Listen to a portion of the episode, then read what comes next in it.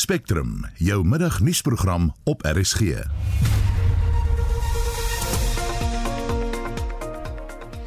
In vandag se program die FDA gee toestemming vir AstraZeneca se teenliggaammiddel teen COVID-19. 'n Groot groep paas hou optog in Pretoria en eis dat die kinderwet gewysig word. We are demanding that the changes under Section 7 in regards to 50 50 contact care, guardianship, and maintenance of the child must be enshrined automatically. En soos jy nou in die nuus gehoor het, die Ahmed Katrada Stichting loods vandag 'n internasionale veldtog oor die Guptas. Ons span vanmiddag is redakteur Nicoline de Wee, produksieregisseur Mark Preller en ek is Susan Paxton. Dis nou bykans 5 minute oor 12 jy luister na Spectrum. Daar's nog geen aanduiding of strenger COVID-19 maatreëls weens die toename in koronavirusgevalle vir die land ingestel gaan word nie, maar die regering is toegewyd om eh, nie die vlot verloop van die land se ekonomie in te perk nie. Dit was een van die versekerings wat die minister in die presidentskap, Mondli Ngubele, vanoggend op 'n media-konferensie gegee het en Essie de Klerk doen verslag. Die kabinet het die nasionale ramptoestand tot 15 Januarie verleng. Gugubele het gesê hoewel COVID-19 gevalle oor die afgelope 24 uur periode met sowat 19800 toegeneem het, monitor die koronavirus bevelsraad die situasie en is daar geen sekerheid oor wanneer en of strenger COVID-19 maatreëls ingestel gaan word nie. What we are monitoring now on this vaccine is the clinical manifestations because the nature of clinical man- manifestation indicate that the threat to the possible threat to hospital load. Because if it translates to manifestations clinically that actually make people very sick to need admission in hospital. The load becomes under pressure. So far the reports we are getting is that there is no red flag in that Hy het mense aangemoedig om alle COVID-19 maatreëls na te kom en groot byeenkomste te vermy. Gugubele het gesê geen besluit is al geneem oor gedwonge inentings nie. No recommendations were tabled, and all we are looking at is the entire information on the implications of the mandatory stuff. To say it safely, it's so clear to a number of us that you need a policy that encourages vaccination, and you need a policy that discourages cynicism towards vaccine. What type of policy in that will actually depend on the findings we have as we assess that situation. Oor ander onderwerpe het hy gesê Suid-Afrika se werkloosheidsvlak het volgens Statistieke Suid-Afrika toegeneem met 0,5% en staan nou op 34,9%. Government continues in its target driven work to restore business confidence by addressing structural reforms or structural constraints to economic growth, job creation, and poverty eradication. Through specific interventions such as large investment in infrastructure, it is working to support structural transformation, economic growth, and job creation. And in the infrastructure, we have committed no less than 340 billion thus far. Vandag is internasionale teenkorrupsiedag. Gugubele het gesê korrupsie bly steeds 'n groot uitdaging in Suid-Afrika. Hy het aangekondig dat die staatskapingskommissie op 1 Januarie sy finale verslag aan president Cyril Ramaphosa sal oorhandig. Hy het ook sake uitgelig wat deur die spesiale ondersoekeenheid in 2021 aan hooggeregshowe in die land vir vervolging oorhandig is. 56 sake ter waarde van 62 miljard rand wat verband hou met kontrakte wat toegeken is en 64 sake ter waarde van 6,99 miljard rand wat in die spesiale tribunaal aangehoor word wat verband hou met kontrakte wat onreëlmatig deur staatsinstellings toegeken is. In the final year 2021-2022, the SIU has already frozen pension benefits of former civil servants, bank accounts and assets of individuals, and business amounting to more than 43 billion. The president has signed a total of nine SIU proclamations in the final year under review. Dit was die minister in die presidentskap, Mondli Gugubele, en ek is Estie de Klerk vir SAK nuus. Navorsing toon dat die kruin van die volgende vlaag van COVID-19 in Gauteng, waar die Omicron variant se ontstaan het, binnekort bereik sal word. Dr Piet Streicher van die Instituut vir Toekomskennis aan die Universiteit van Johannesburg het aan Jamie Verhoef gesê die kruin word binnekort verwag. Ons kyk na die groeikoers van gevalle op 'n daaglikse basis en daar's 'n paar fases. Die eerste fase is 'n eksponensiële fase waar Gauteng byvoorbeeld gegroei het teen 20 na 30% per dag. En dan na daai fase neem die groeikoers stelselmatig af. En kom ons sê dit groei dan 25% die een dag, 20% die volgende dag en so word dit stelselmatig minder. En so kan mens bepaal op watter datum gevalle gaan piek en my beste datum op die oomblik is die 16de Desember. En hospitalisasies piek dan 'n bietjie later. So die datum of die reeks wat ek gekies het is tussen 20 en 30 Desember. Sal dit te wyte wees aan die nuwe COVID-19 variant Omicron? Ja, die nuwe variant groei baie vinniger as enige van die vorige variante wat ons gesien het. So hierdie golf gaan baie vinnig op en ons verwag dan ook dat hy baie vinniger sal afgaan. Maar hy verskil in terme van die ernstigheid van die siekte wat veroorsaak word. So ons sien 'n baie 'n klein persentasie van mense wat in die hospitaal beland. En dan sien ons mense bly ook vir baie korter periodes in die hospitaal. Met vorige golwe of vorige variante was dit amper 9 dae die gemiddeld. En nou is dit af na 2.8 dae gaan ons minder hospitalisering sien soos in byvoorbeeld in die geval van vorige variante waaronder die Delta variant. Ja, ons sien uh, dalk miskien dieselfde hoeveelheid mense wat opdaag elke dag by die hospitaal en tans word dit ook meer in Gauteng elke dag is 10% meer.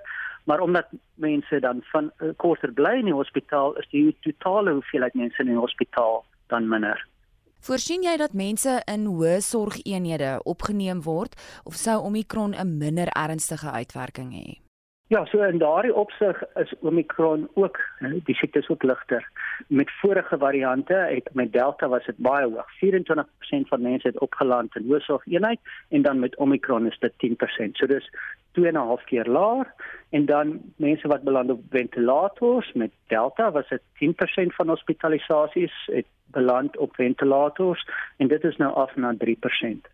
Vertel my 'n bietjie van jou grafieke oor Omicron se groeikoers en hoe hy moontlik gaan afplat wat nou ook oor see gepubliseer is. Ja, so oor see het hulle aanvanklik gewys hoe vinnig uh, Omicron uh, groei sonder om vir mense 'n idee te gee wanneer die eindpunt gaan wees en dit het die hele wêreld die skrik op die lyf gejaag. In Europa is almal in 'n paniek en Amerika is almal in 'n uh, paniek en ek het in kontak getree met van die joernaliste daar en net gewys dat daar is wesenlik minder mense in hospitaal en daar's wesenlik minder mense in hoësorgeenhede en wesenlik minder mense op ventilators en ek is baie bly om te sien dat my grafieke word nou gebruik in die Financial Times in Engeland om daardie aspek uit te lig. Dit is my oogmerk om so vinnig as moontlik verslae en inligting van Suid-Afrika in die hande te kry van oorseese media sodat hulle kan verstaan dat die reisbeperkings glad nie nodig is nie. In Suid-Afrika self is ons op vlak 1 en die kans is baie klein dat ons na hoër vlak sal gaan om die waarheid te sê dis glad nie nodig as ons kyk na die belange van hospitale nie. En laastens is die vrees en paniek oor Omicron gegrond. Nee, ek dink kyk aanvanklik het die vrees ontstaan omdat hulle baie bang was dat die nuwe variant gaan verby uh, vorige immuniteit of verby die immuniteit wat enstof of jou gee daarby verby gaan kom. En ons sien tog dat die mate dit is waar, maar vorige immuniteit beskerm jou nog steeds baie goed teen ernstige siektes. So ons sien dit in die hospitaal en dan moet ons ook onthou helfte van die mense wat in die hospitaal of selfs meer as die helfte wat in die hospitaal opland het nog nie die enstof nie en selfs onder hulle is die ernstigheid van die siekte laag. Daar's baie minder mense wat suurstof nodig het.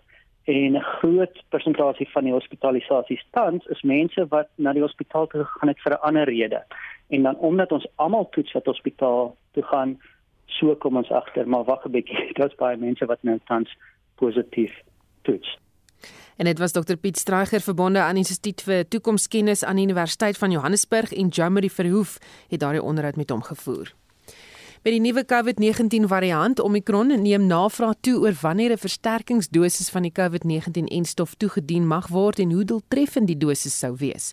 SAPRA het gister 'n versterkingsdosis aan van die Pfizer-enstof goedgekeur. Intussen het 'n nuwe infeksies oornag skerp toegeneem en vir meer hieroor praat ons nou met Dr. Kloete van Vuur en 'n infeksiesiekte spesialis by 3 Militêre Hospitaal in Bloemfontein. Goeiemôre Kloete. Hallo Susan. Weet ons al hoe bestand diegene is wat reeds die COVID-19 inenting gehad het teen die nuwe variant? Ek ek dink dit daar daar's daar's twee aspekte aan die saak. Die eerste is 'n groot klomp van mense wat nou of wat reeds geïnitieer is, toets nou positief vir die uh nuwe variant. Maar ek dink mens moet die, die konteks daarvan is dat hierdie uh instop beskerm tot 'n mate teen infeksies maar baie goed teen ernstige siekte en dood. Met ons het uh, by ons het ek gister gekyk, ehm um, 90% van die mense in die hospitaal is nie geïmmuniseer. En as jy nou in afneem dat in die Vrystaat byvoorbeeld 50% van volwassenes uh reeds ten minste een dosis van die enstof gehad het, dan moet dit daarom moes nou mens en onthou die mense wat gaan intent is ook die wat sieker is en bekommerder is oor hulle gesondheidstoestand dan sou mens verwag dat 50% van die opnames ehm um, gevaksinneer is as die vaksin geen effek het. Maar die blote feit dat 90% van ons opnames uh nie ingeënt is, nie beteken die enstof werk nie. En as jy mense in 'n laboratorium net gaan meet en jy sien daar's 'n beduidende afname uh van effektiwiteit van die serum van mense wat voorheen geïmmuniseer is op die virus, dis 'n 'n proefbuis. En mense se liggaam is tog baie meer um komplekse ding. En onthou dan ook die hele idee van die enstof is om 'n geheue te skep. So die oomblik as jou liggaam of jou immuunstelsel hierdie virus mee in kontak kom, dan begin hy dadelik weer antiliggame maak en dan het jy baie meer antiliggame as dit wat die proefwys doen. So ek dink 'n mens moet baie versigtig wees voor jy nou allerlei afleidings maak oor nuwe data wat uit die laboratoriums uitkom. Dis belangrike werk. Dit gee ons goeie inligting maar uh, ek dink die enstof op die stadium as jy bloot kyk na uh, die hospitalisasies werk die enstof baie goed en doen dit presies wat ons dit wil gehad het dit nie. Hoe belangrik is 'n versterkingsdosis? Jy weet jy dan jy kry amper 'n 40voudige verhoging. Ehm um, in jou antiliggaamsvlakke na hierdie derde versterkingsdosis. Ehm um, en ek dink dit dit gaan 'n baie baie groot verskil maak. En die blote feit dat dit nou goedgekeur is in Suid-Afrika, ek dink dit is fantasties. Ehm um, en uh, selfs vir die kinders nou, het hulle mos nou die ding verander. Ek uh, ek sien dit nêrens nog op die media nie. Maar een van my kollegas het my vanoggend laat weet daar's 17-jarige seun ehm um, het 'n SMS gekry en hy kan sy tweede dosis kry. Uh, jy sal onthou mos hulle sê 12 tot 17 net 'n een dosis voorheen. Nou ek het daai knaap van my wakker gebel in sy bed vanoggend en sê kyk op jou foon en hy sê nee daar is 'n SMS hy kan sy tweede dosis ook gaan kry en ek sê wel jy weet daar is nie 'n goeie tyd nie want jy gaan dalk 'n dag of twee nie lekker sien ek dink jy moet daai twee dae nou maar insit en laat dit oor verbykry want jy siek word dan gaan jy langer alwees en jy kan oefen en hmm. weet jy soms met jou pelle. Dis so ek dink nee die die versterkingsdosis Die oomblik as hulle dit aankondig, as jy toegang het daartoe, behoort jy dit te neem.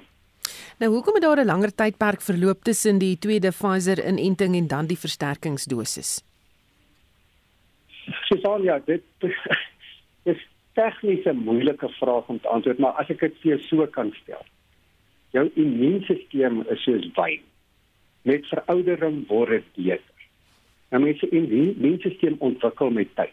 En jy sal baie goed onthou dat aanvanklik het ons die eerste twee doses van die Pfizer vaksin 3 weke uitmekaar gegee en toe het hulle in Engeland dit 6 weke uitmekaar het gedoen net om hulle hulle voorraad 'n bietjie te rek. En dit was baie duidelik 'n beter strategie as die 3 weke en dis hoekom ons dit ook 6 weke doen. En uh, nou sien hulle ook dat as jy daai immuunstelsel kans om bietjie te verouder en te verbeter en te ontwikkel en jy gee na 6 maande jou versterkingsdosis dan het dit 'n dramaties beter effek. Maar nou sit jy met mense wat uh immuunonderdruk is met allerlei siektes, sien nou maar kanker of uh nierversaking En jy kan nie 6 maande wag nie, want as jy nou 6 maande wag, jy het te lank al die COVID gekry en in die moeilikheid kom.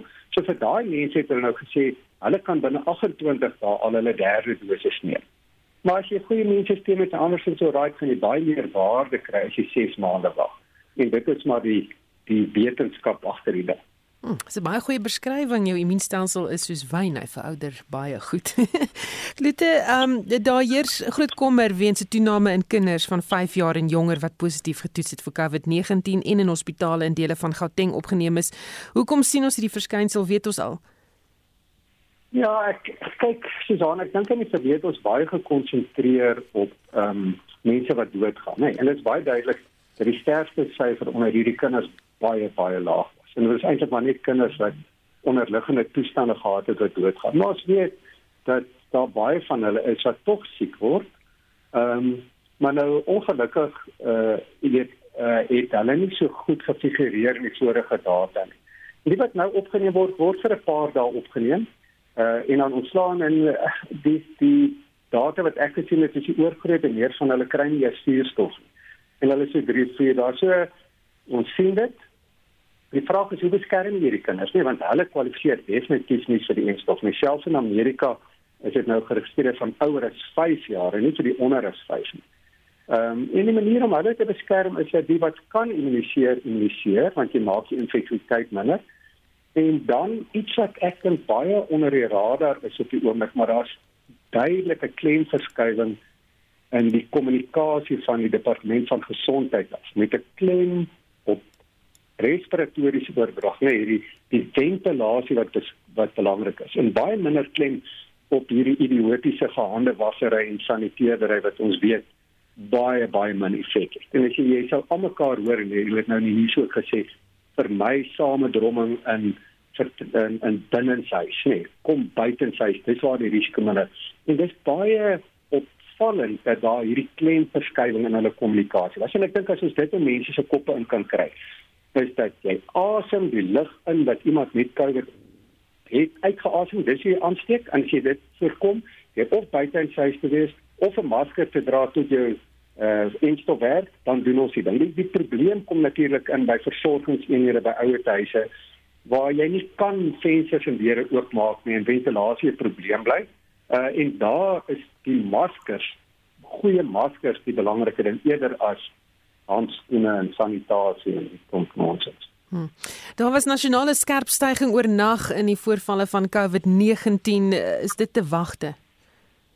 Ja, weet jy kyk, ons het mos nou oor die naweek hierdie gevalle eintlik altyd af. So wat jy dit eintlik mee moet vergelyk is die 4de Desember toe ons 16000 gevalle bietjie meer gehad en toe nou is dit 19000 gevalle. Maar ek dink die interessante ding dan as jy kyk Ehm um, op die 4 Desember was daar so 11600 gevalle van daai 16000 in Gauteng en op die 8 Desember van die 19000 gevalle is 11700 in Gauteng. So Gauteng het eintlik so half uh 'n amper piek bereik terwyl beide KwaZulu-Natal en die Weskaap het van net so oor die 1000 gevalle na amper 2000 te vermeet. Die Vrystaat is van 300 na 650. So ek dink wat hier gebeur is het dit nou na al die ander provinsies uh, uitgebrei en nou sien jy die stygings daar en dis hoekom landwyd die getalle styg. Ehm um, en en dit is te wagte, jy weet, maar die ding is nou landwyd en dis wat ons gaan sien. Baie dankie, dit was dokter Klute van Vieren, 'n infeksie siekte spesialis by 3 Militêre Hospitaal in Bloemfontein. Die Suid-Afrikaanse weerdiens waarsku dat nog swaar reën in die noordelike dele van die land gaan voorkom. Fransvloede het reeds grootskaalse verwoesting in dele van Limpopo en Mpumalanga gesaai. In 'n verklaring sê die departement van samewerkende regering in Limpopo dat een persoon dood is en vier mense steeds vermis word nadat hulle voertuie deur vloedwater meegesleer is.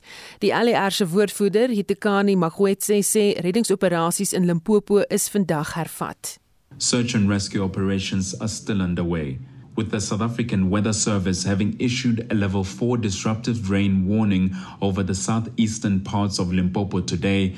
MEC Makamo has warned Limpopo residents, passengers, and motorists alike to be wary of attempting to cross flooded bridges, adding that the country is in the middle of the tropical rain season and we may experience more flash floods during this period. Nou dit was uh, Hitekani Magwetse die woordvoerder van die LER van Samewerkende Regering in Limpopo. Intussen het dele van Mpumalanga ook onder vratsvloede deurgeloop, maar geen ernstige skade of lewensverlies is aangemeld nie.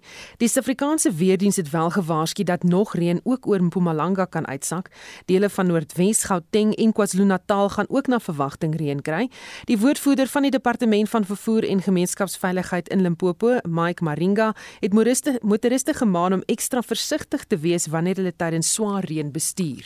We can also confirm that we had an incident in Sekhukhune where a Kumbi and a sedan were swept by floods. The Speelport area when drivers attempted to cross uh, low-lying bridges that were overflowing. The Department of Transport and Community Safety is warning motorists to be cautious and to avoid low-lying bridges that are overflowing and flooded roads.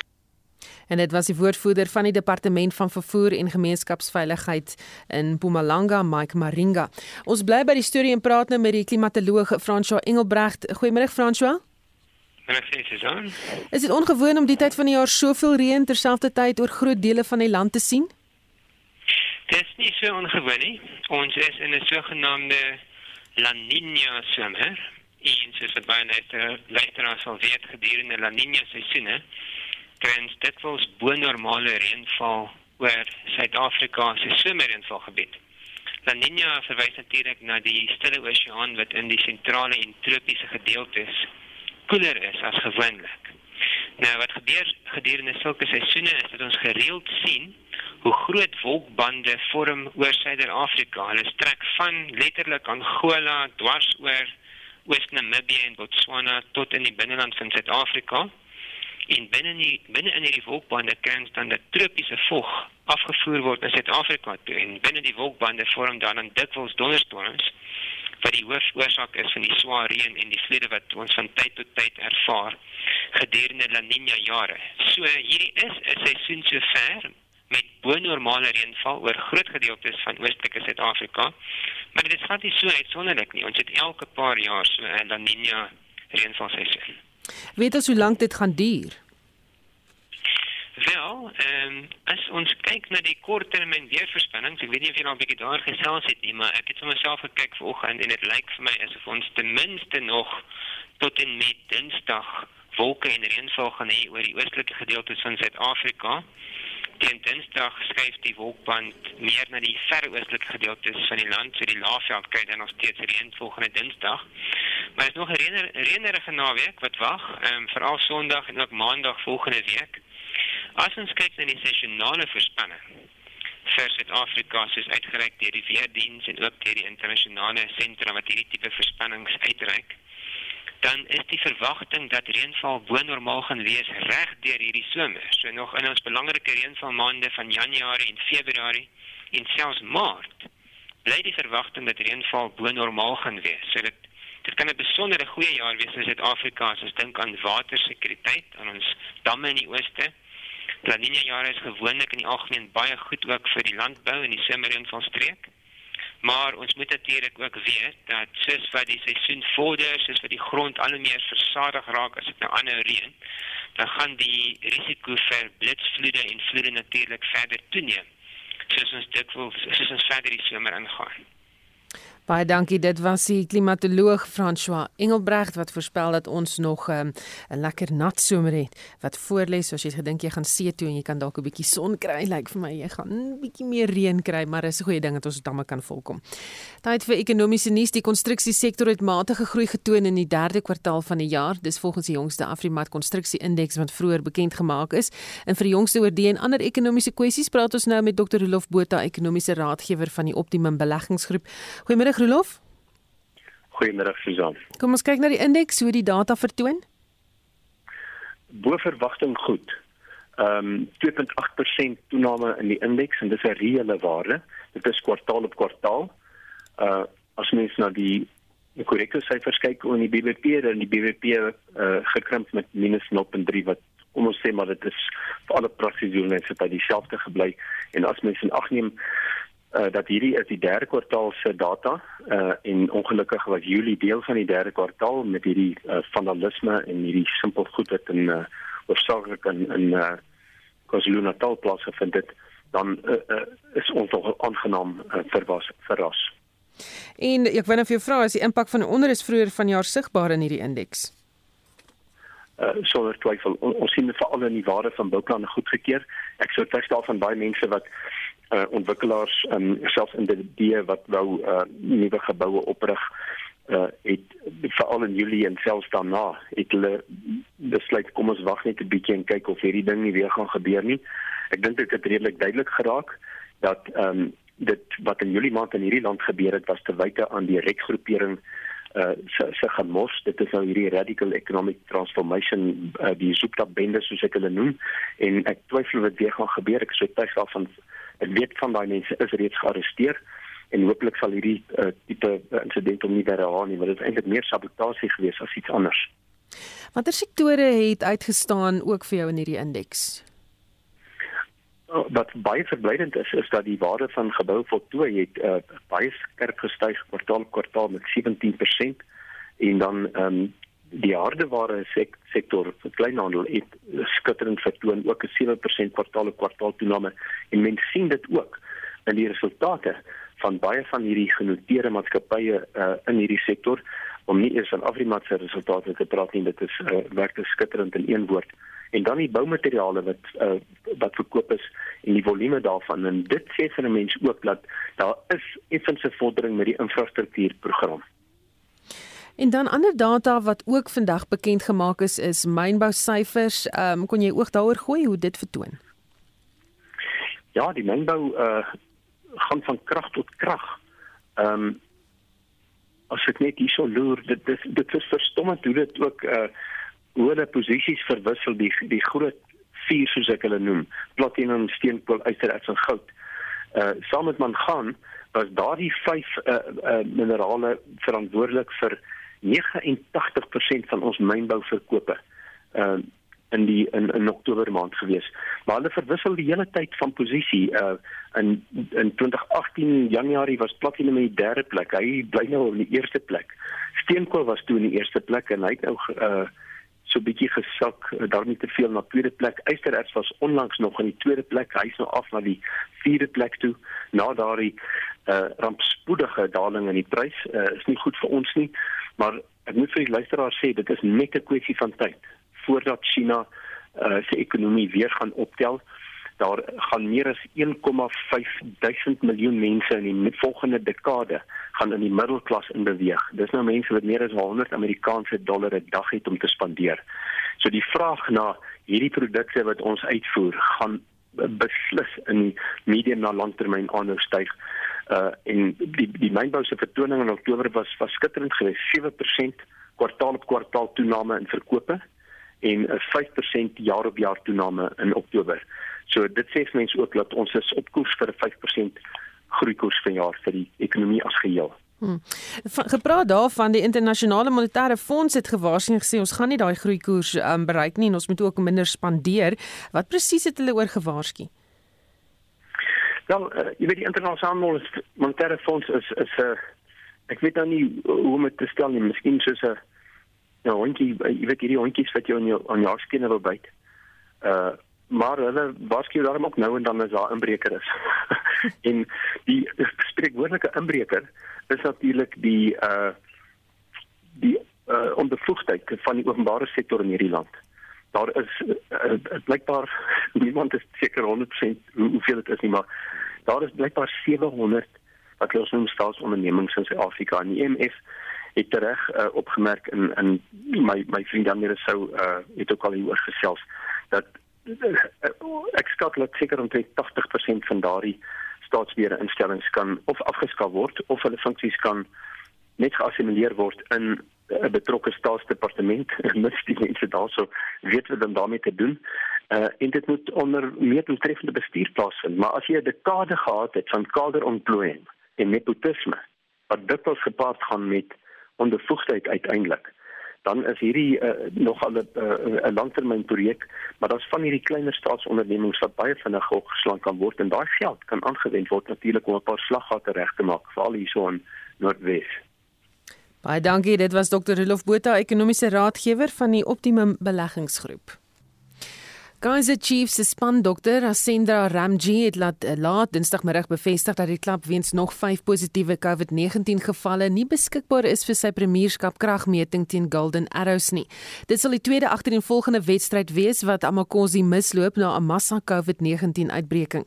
Vlede Vrydag het 31 klublede positief getoets vir die virus en boonop is hulle oefenfasiliteite tydelik gesluit. Kaizer Chiefs was ook nie beskikbaar vir sy kragmeting teen Cape Town City nie en het gevra dat die wedstryd wedstryd uitgestel word. Die Premier Sokkerliga het nog geen amptelike uitstel toegestaan nie. Kaizer Chiefs lewer tans geen kommentaar oor hierdie kwessie nie. Dis nou 12:38 jy luister na Spectrum. Die ouditeur-generaal Tsakani Maluleke sê onreëlmatige uitgawes van 166 miljard rand is by 286 regeringsinstansies aangemeld. Die ouditeur-generaal sê hy is veral bekommerd oor die voortgesette onreëlmatige besteding by staatsinstellings. En vir sy mening praat ons nou met die ekonom en professor by die Wits Besigheidsskool, Janie Resou. Goeiemôre Janie. Middag Suzanne, goeiemôre aan die luisteraars. Jou indrukke van die verslag? Soos al dit is baie gerusstellend om te weet dat die ouditeur-generaal steeds in 'n posisie is om hierdie wanbesteding en hierdie bedrog aan die lig te bring. Dis egter baie ontstellend om te weet dat daar niks daarvan gebeur nie. Daar word nothing happens. Anderswoorde ons weet van hierdie bedrog, ons weet van die waninstelling, maar ons is ontstel omdat daar geen aksie geneem word nie. En dan is daar steeds van hierdie instellings wat nog nie hulle eh, verslae ingedien het nie, soos byvoorbeeld SAL sien ek. Is dit 'n poging om die wanpraktyke wat daar plaasvind steeds weg te steek? Ja, uh in baie gevalle laat hierdie ondernemings staatsondernemings en ander instansies toe dat hulle rekeningkundige stelsels totaal verval. Dan is dit nie moontlik om 'n audit te doen nie en op daardie wyse kan bedrog baie makliker weggesteek word. Ek het net voor die nuus gehoor dat Rolof Botha verwys na my vorige opmerkings dat ons nie eers weet hoeveel staatsondernemings ons in Suid-Afrika het nie. Ons kan nêrens 'n volledige lys van almal se name kry nie. Dit sal 'n goeie begin wees om regtig uit te vind wat die aangaan as ons 'n volledige lys van staatsondernemings kry en dat ons dan besluit watter van hierdie staatsondernemings nodig is en watter ons kan toemaak. Maar ons kan nie aangaan soos ons nou aangaan nie. Oor watter instellings is jy steeds bekommerd? Nou, my jou grootste bekommernis is natuurlik Eskom. Eskom is absoluut krities vir die toekoms van Suid-Afrika. Solank ons nie betroubare kraglewering het nie, sal ons nie nuwe beleggings in Suid-Afrika kry nie. Eskom is 'n monopolie. Eskom word bedryf vir die regering, die regering vir die rekening van belastingbetalers. Ek het byvoorbeeld nog nooit verstaan hoekom al Eskom se open se kontrakte nie vir openbare insake gepubliseer kan word nie. Nee, Andre de Ruyter sê die verskaffer sal nie daarvan hou nie. Nou is meneer de Ruyter aan die verskaffer se kant of is aan die belastingbetaler se kant? Publiseer eenvoudig hierdie kontrakte dat ons insig het en die bedrag kan identifiseer. Baie dankie. Dit was eh, professor Janie Rousseau van die Wits Besigheidsskool. 'n Groep ontevrede paas het na die Departement van Maatskaplike Ontwikkeling se hoofkantoor in Pretoria opgeruk om onbeperkte toegang tot hulle kinders te eis. Hulle vra dat die kinderwet aangepas word om die regte van paas in egskeidingsprosesse behoorlik aan te spreek en Jomery Verhoef doen verslag. 'n Koalisie van organisasies wat die regte van kinders en paas verteenwoordig, bevraagteken die kinderwet. Hulle sê vorige pogings om die wet te wysig het misluk. Fathers for Justice South Africa, Sir Gary De Silva, sê die wet is bevooroordeeld teen mans. We are demanding that the changes under Section 7 in regards to 50 50 contact care, guardianship, and maintenance of the child must be enshrined automatically. Section 18, 19, and 20 are unconstitutional and must be removed from the Act and rolled up into Section 18, where the parents have automatic rights of responsibilities of contact care, guardianship, and maintenance of the child. Mediation must be mandatory and it must be completed within 90 days of separation. If you don't, you go to jail. Parental alienation is child abuse, it must be criminalized. Die pa van 7 sê die vervreemding van die vaderfiguur moet beëindig word. The system is so biased. There's a lot in our constitution which doesn't support fathers. Like the moment you are in love with a woman, you are described as unmarried. So the Children's Act itself is biased against fathers because if you say I'm unmarried, then the mother is also unmarried. But when the divorce happens or the one partner died, then you are labeled violent, you are labeled a criminal, especially when you come forward, you want to access your child or your children. Daar is selfs 'n paar vroue wat in solidariteit by die optog aangesluit het. My name is Kathy Van Sale. I'm here to stand together with all of these fathers as they do have the right to their children. All of these fathers have been withheld from their children due to various reasons, which are all invariably false, misleading, or simple parental alienation. Die voorsitter van die We Are Fathers, We Are Parents Forum, Castro Musiadi, sê die bestaande kinderwet maak dit moeilik vir paas om betrokke te raak by die lewens van hul kinders. Our main worry is that while we understand that in situations of relationships and marriages, there are always emotions involved. We are worried that after separation, fathers are automatically discarded from the lives of children. We then hear the 70% fatherless nation in South Africa, but we don't want to look at what exactly is the cause. Die departement het intussen beloof om die groep se griefskrif te bestudeer. Betogers gee die departement tot Februarie volgende jaar om op hulle eise te reageer. Die verslag is saamgestel met die hulp van ons streke. Ek is Jean Marie Verhoef vir SAK nuus. Op die voorlaaste dag van die 16 dae veldtog van aktivisme teen vroue en kindergeweld is bevind dat die sosiale media platform Twitter steeds nie genoeg doen om sy vroue gebruikers te beskerm nie. Dis die jongste bevinding van Amnesty Internasionaal oor Twitter en gebruikers wat veral vroue boelie en mondelings aanrand op die toepassing. Genevieve Quintal, die woordvoerder van Amnesty Internasionaal in Suid-Afrika sê, die organisasie het reeds vroeër aanbevelings gemaak oor hoe die platform veral vroue gebruikers kan beskerm, maar min daarvan is nog geïmplementeer. So the report has found this is actually our second report, a follow up from our Twitter scorecard of 2020. And we find that Twitter is still not doing enough to protect women and non binary users from online violence and abuse. We interviewed nine women who live in South Africa and are on Twitter or who had once been on Twitter and asked them a number of questions about their experience on Twitter the experience on abuse on Twitter, reporting abuse on the platform, and Twitter's response to their reports, and whether or not they have seen a decline in the abuse of that they receive on Twitter. And we found that no, very little has changed in respect of that. Quintal sê vroue word met geweld gedreig deur sommige gebruikers omdat hulle hul opinie sou lig op die platform en Twitter doen niks om dit te stop nie. So they get horrendous messages on Twitter, and a lot of them are actually having to self censor themselves because of that. So before they tweet anything, especially when it comes to big topics such as politics, law, etc., a lot of them said they really have to think about what they're going to tweet, knowing that they're going to get quite abusive messages. They're really horrible, whether it's about rape, murder, etc. There's some really, really horrendous messages that women get on Twitter. Legal journalist Karen Morn said she received messages such as, you must be raped and murdered, you must be necklaced. Kumzile Van Dam had quite similar tweets. She said, I will find you and I will stab you, I will shoot you. And the problem is, although these are messages online and people can say you can ignore it, it has a huge mental health impact on people. And also, you don't know if someone is really going to act on these tweets, especially if you're in the public eye and, and people sort of know your movements. You're just not sure of whether someone can actually act on these tweets. Quintal sê die optrede deur Twitter gebruikers is besig om vroue te onderdruk in so 'n mate dat hulle begin weier om deel te neem aan die nasionale debat. And some of them actually said this of the women we'd interviewed that they've had to censor themselves. Some have actually taken themselves off Twitter.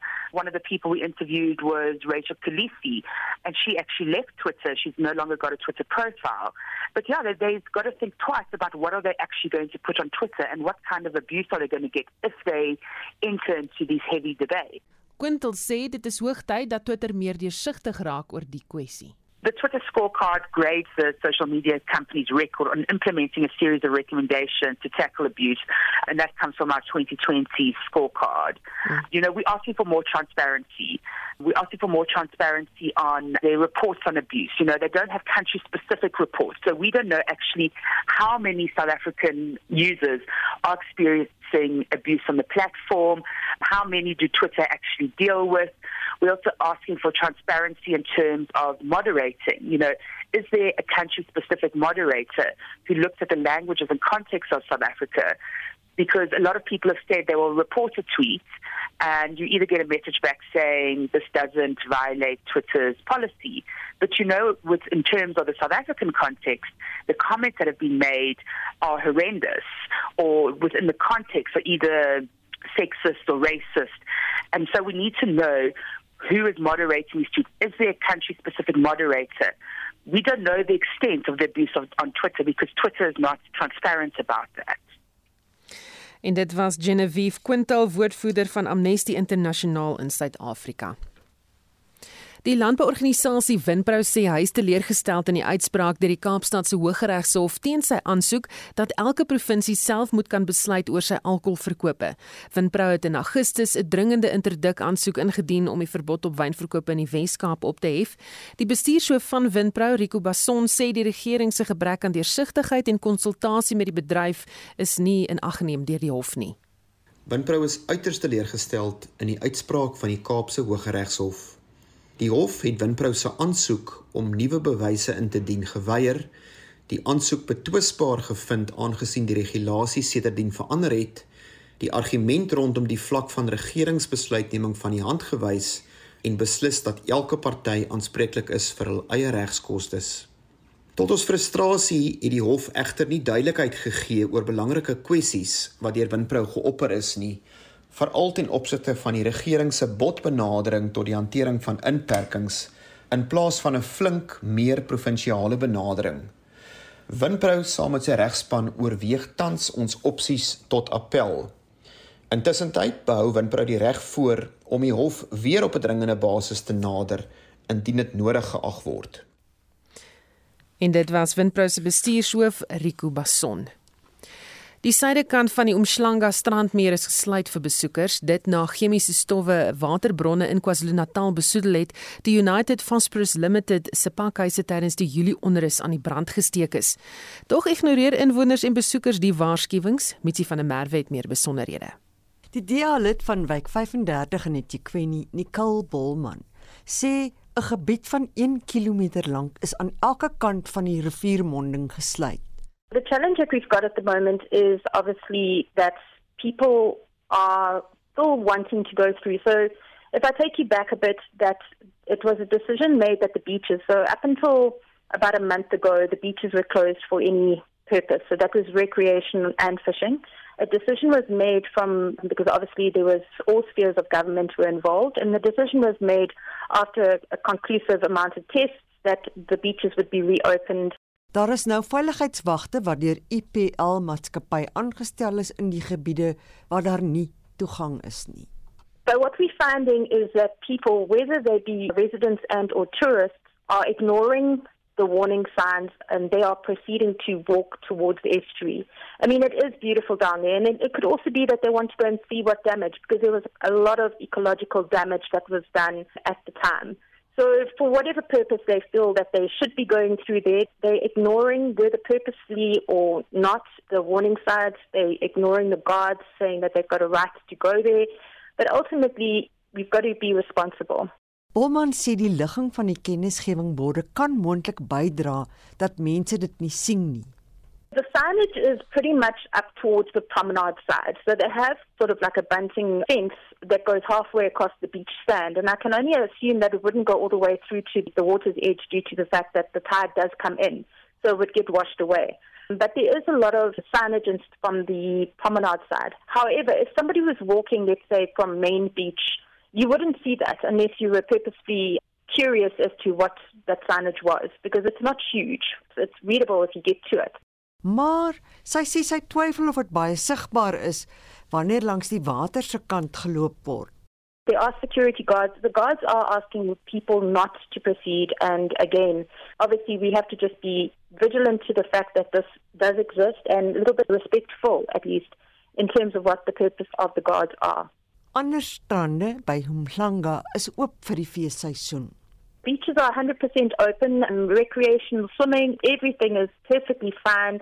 Life goes on as normal. The only thing that is prohibited at the moment on all our beaches is fishing and obviously crustacean, mollusk kind of collecting. So that would be your mussels, crayfish, etc., which is prohibited. So swimming, surfing, lying on the beach, everything is 100% functional and open. Nicole Bowman is die DA-lid vir wijk 35 by eThekwini. Monitor het nog nie terugvoer van IPL of die maatskappy wat die opruimingswerk doen gekry nie.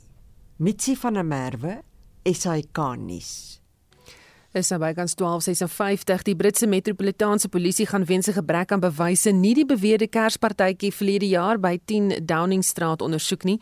Dit volg nadat 'n herrie losgebars het oor 'n partytjie wat gehou is te midde van streng COVID-19 inperkingsmaatreëls.